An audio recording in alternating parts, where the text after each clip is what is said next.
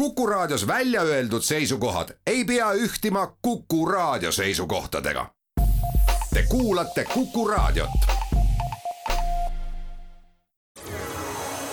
loodusajakiri, vaata ka looduseajakiri.ee. tere, head reede õhtu jätku kõigile teile, head Kuku Raadio kuulajad. täna on saates külas Tartu Ülikooli Uusi Maja professor Eero Mediainen, tere teile! tere!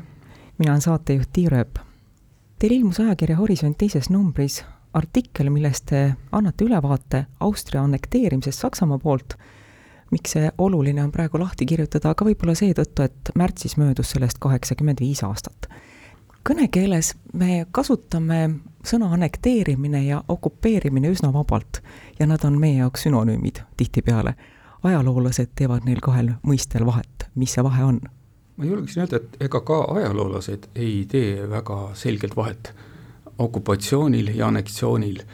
ja seda vahet ei teha, ma arvan, et alates Teise maailmasõja lõpust, sest Teise maailmasõja päevil oli see annekteerimine ja okupeerimine omandasid no väga erinevaid tähendusi. ja nii, nii võitjad pooled kui kaotajad pooled kasutasid seda üsna vabalt üritasid juristid teha selles, nende mõistete vahel selgust, hoida seda selgust, aga ega see ei õnnestunud ja tänapäevaks on okupatsioonil vähemalt ähm, kaks paralleelset ja juba ka ühte sulanud tähendust.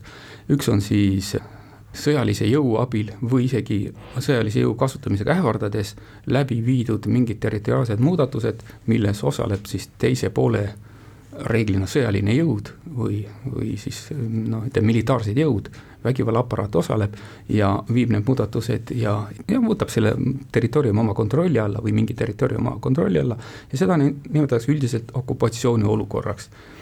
ma arvan, et see Ida-Euroopas ja, ja võib-olla ka eriti Eestis muutus selliseks universaalsõnaks tänu sellele, et, et Nõukogude võimu ajal, Nõukogude võim kasutas seda okupatsiooni mõistet väga niisuguses negatiivses tähenduses, see võrdsustus natsismi, fašismi ja kõige pahega.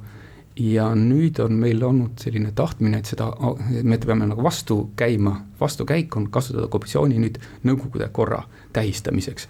et see oli Nõukogude okupatsioon ehk sama tähenduslik ja oma loomult on ta õige ja seetõttu ongi nad kokku sulanud no ütleme sel ajal, kui Eesti tõesti nüüd siis okupeeriti või annekteeriti, selle juurde kohe jõuame kui okupeeriti, siis sel hetkel okupeerimine, ega see ei olnud ka mingi rahvusvahelise lepinguga paika pandud, aga ütleme, rahvusvahelise õiguse asjatundjad omavahelistel kokkusaamistel, konverentsidel ja mingil määral ka õigusnormides olid reguleerinud siis okupatsiooni tähenduse kui kahe sõdiva poole vahelist olukorda sõja ajal, see on siis sõjaõigus jus in bello, et kuidas õigus sõjas kasutatakse ja, ja okupatsioon oli, okupatsiooniks oli õigus, kui on kaks sõdivat poolt, sõda oli lubatud, kuigi selleks ajaks oli ka juba sõda keelustavad lepingud alla kirjutatud, kokkulepped alla kirjutatud, aga siiski sõda ei peetud veel ju rahvusvahelise õiguse vastaseks.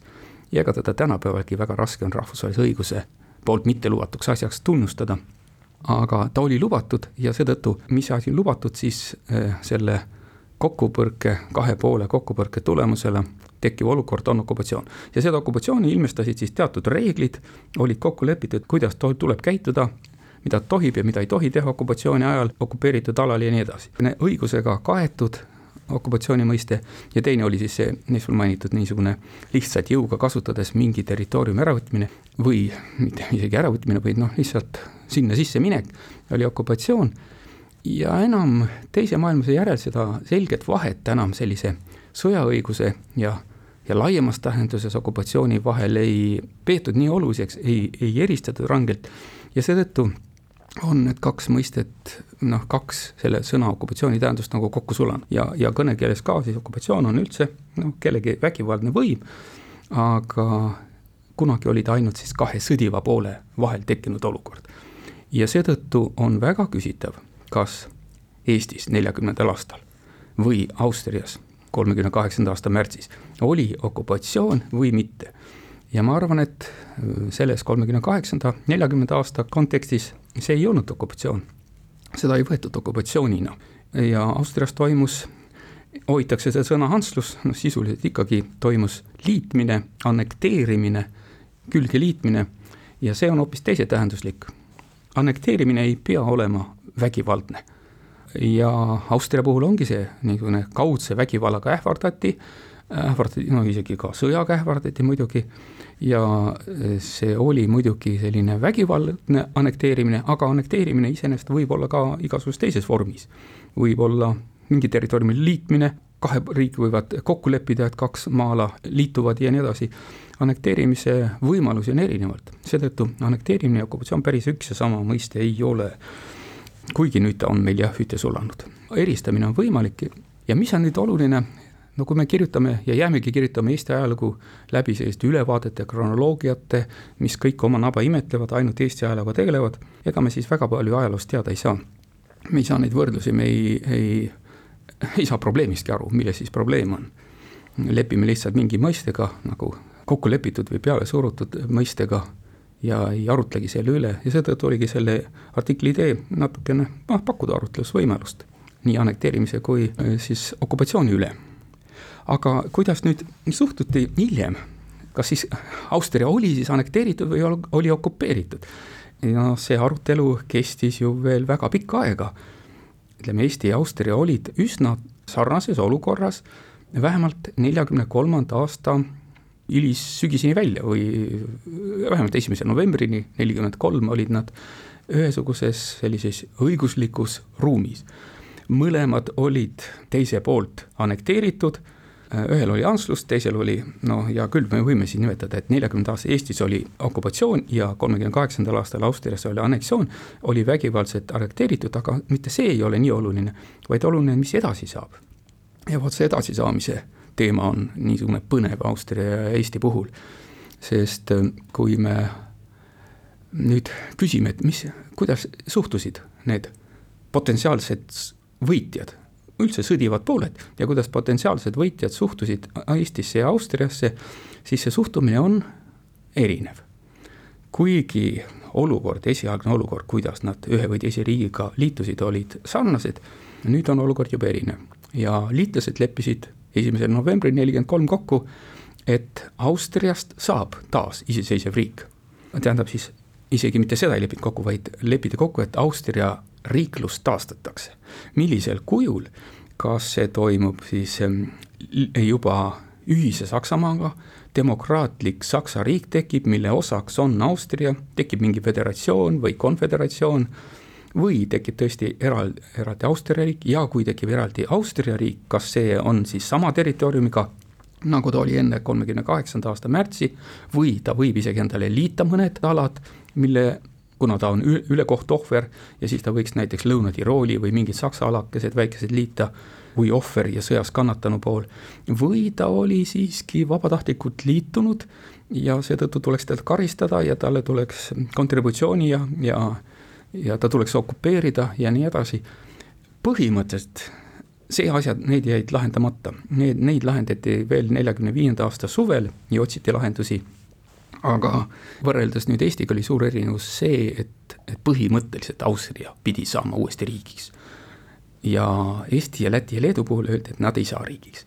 ja vot siin oli see suur ülekohus, sest kui liitlased ütlesid, et me taastame sõja ajal, sõja käigus tehtud ülekohus, eh, siis see ei toimunud ju Austria puhul, Austria liideti Saksamaaga enne teist maailmasõda, kolmekümne kaheksandal aastal.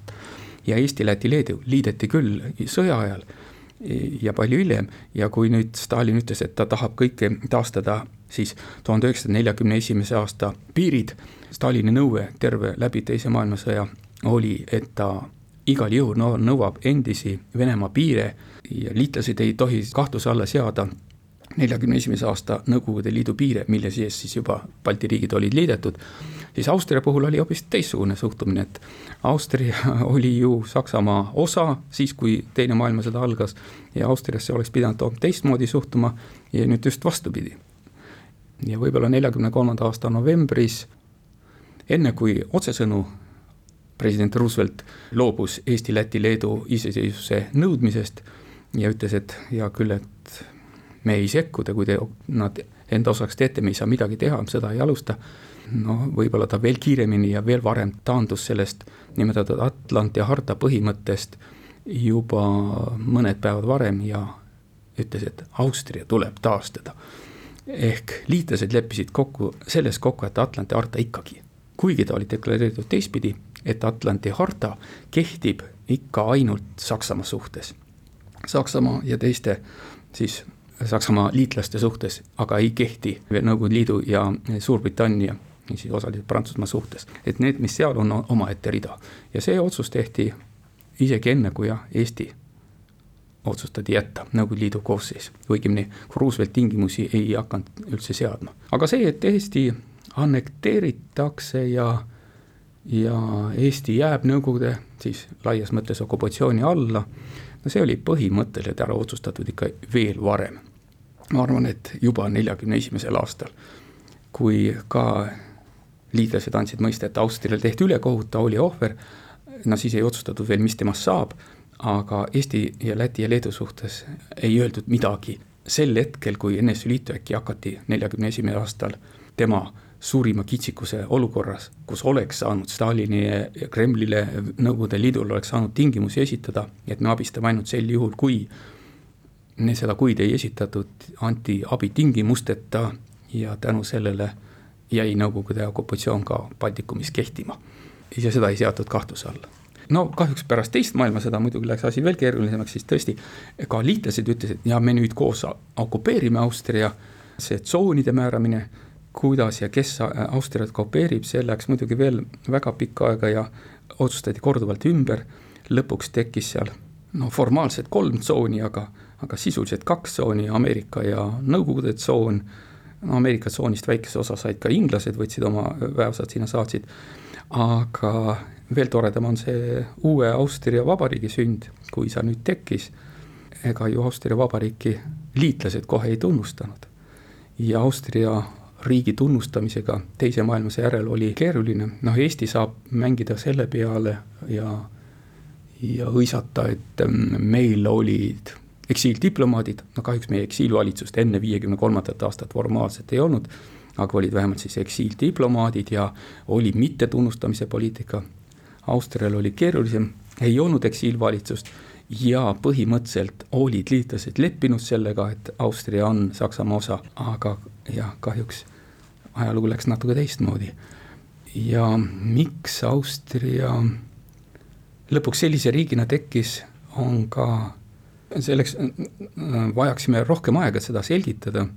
Austria sellise riigina tekkis ikkagi no ilmselt tänu sotsiaaldemokraatiale Moskva leppis, kui sotsiaal, nad nägid, et Austria kommunistidest asja ei ole, nemad riiki ei saa väga luua.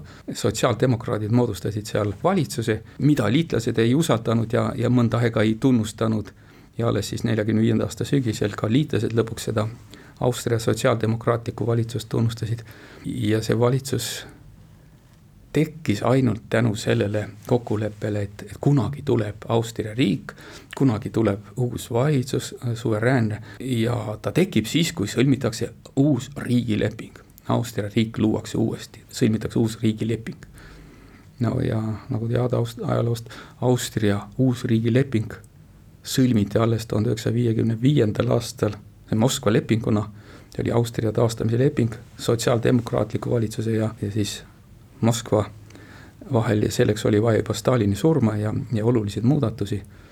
nii et, ähm, et neid mõtteaineid Eesti ja Austria saatuse üle arutlemiseks on nii palju, et see üks artikkel muidugi seda kuidagi ära ei katnud.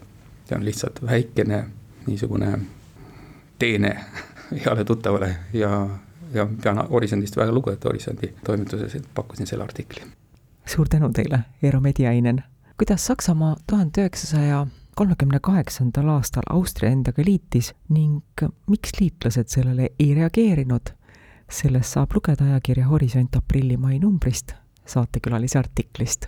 saatejuht Tiir Ööp tänab kõiki, kes meid kuulasid, rõõmsat nädalalõppu, jälle kuulmiseni! loodusajakiri, vaata ka looduseajakiri.ee